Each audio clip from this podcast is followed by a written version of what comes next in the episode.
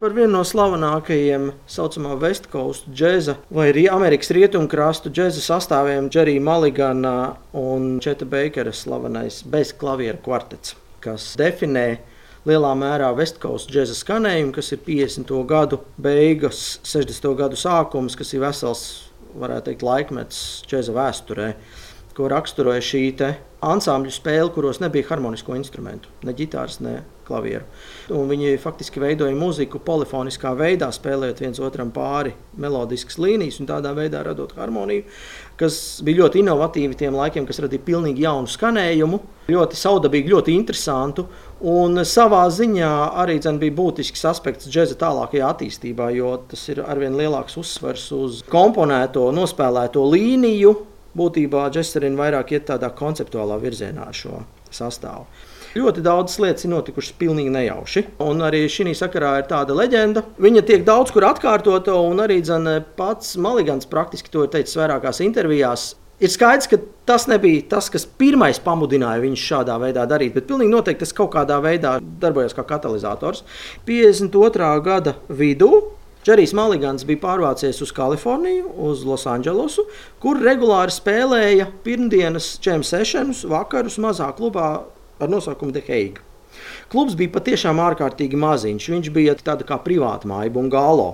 Piebūvēta klāt blakus vienai ļoti lielai, ļoti prestižai viesnīcai, kas saucās Ambassador Hotels. Faktiski tas ir Losandželos viens no tādiem prestižiem rajoniem, tajā laikā, kur apgrozījās ļoti bagāti cilvēki. Tā bija ļoti pazīstama un ļoti iecienīta vieta. Bet klubs bija reāli maziņš. Un katru pirmdienu viņi tur spēlēja regulāri šos jam sessions, gigus. Labu laiku jau uzstājās kopā ar Četu Beikeru, kurš bija jauns trompetists, jau pietiekami ieguvis atpazīstamību rietumkrastā, un viņam bija sastāvs izveidojies šur. Bet Maliganam radās ideja, ka šī sastāvā nevajag eh, harmonisko instrumentu. Īstenībā iemesls bija tas, ka viņiem pārtrūka sadarbība ar pianistu. Viņam neizveidojās laba sadarbība ar pieaicināto pianistu. Viņš neieradās uz mēģinājumiem, uz ierakstiem, un līdz ar to viņi bija spiesti kaut kā iztikt bez viņa.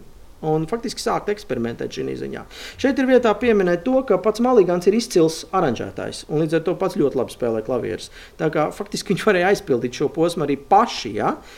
Bet tas pamudinājums bija tāds, ka vienu pirmdienu viņi atnāca uz klubu, uz Denheigu, un redz, ka nav klavieru. Jo iepriekšējā vakarā ir uzstājies Redzes Norvo, vibrafonists. Un tā kā vietas ir patiešām maz, un Redzes Norvo nebija klavieres tajā sastāvā. Tas klavieris vienkārši bija jāiznesis prom. Viņš bija iznesis ārā, un īpašnieks eh, viņam prasīja, nu, jums tiešām vajag viņas, ja, un tad viņš ir jānes apakaļ. Un varbūt jūs varat spēlēt bez, tāpēc, ka nu, nav kas nes un vajag sarežģīt. Ja. Man liekas, jā, nu, ok, nu, baigi labi, nu, labi spēlēsim kā ir, nu, mēs varam pamēģināt. Ja. Un tad viņi faktiski sāka spēlēt šādā sastāvā un atklāja, ka īstenībā viņi var radīt ļoti interesantu mūziku, pilnīgi inovatīvu. Sākotnēji tas bija nedaudz mulsinoši, jo neviens nebija pieredzējis, ka var šādā sastāvā vispār spēlēt un bez harmoniskā instrumenta. Bet uh, viņi ļoti ātri saspēlējās, tur notika šī absolūtā ķīmija, ja tā var izteikties, starp Četu Beikeru un Džeriju Maliganu, kas ļāva viņiem ļoti īsā laikā producēt viens no labākajiem Vestkostu ierakstiem vispār, kur mēs varam brīnišķīgi dzirdēt abu divu meistaru spēlētās līnijas savstarpēji kopā, kas rada pilnīgi savādāku veidu skanējumu. Faktiski viņi radīja sensāciju. Džeza pasaulē ir pilnīgi jauna veida skanējumu. Un, kā jau teicu, tas lielā mērā definēja pēc tam vēlāk Vestkostu stilu. Vestkostu stilam ir ļoti raksturīga šī kūla, ļoti mierīgā, vēsā skanējuma, demonstrēšana ar līnijām bez harmoniskā pavadījuma. Tāds tukšs, uz noskaņu balstīts skanējums.